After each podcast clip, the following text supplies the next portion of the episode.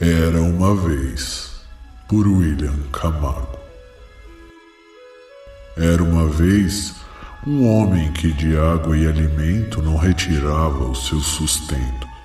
Toda noite, pois de dia não tinha vez, o homem, sem precisar de gangue, tirava o sustento do mais puro sangue. De quando em vez, guardava seu sustento vivo e então se criou o mito. Alma penada, fantasma ou lobisomem, não importa. Acima de tudo, ainda era homem. No fundo do coração que não pulsava, ainda havia o profundo vazio que o homem vivo leva a cada dia.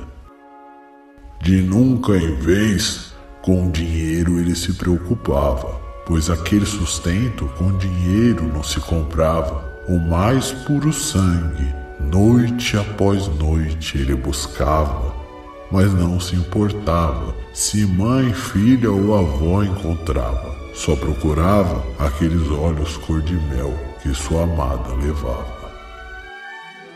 E nunca encontrara, pois aqueles se foram enquanto o homem era vivo e de noite não vagava. Mas a doença cruel, feito um leão em sua cauda, levaram sua pequena antes mesmo de tê-la de véu e grinalda. Daquela vez, o homem já não era homem vivo, e não é de vampiro que canta essa poesia.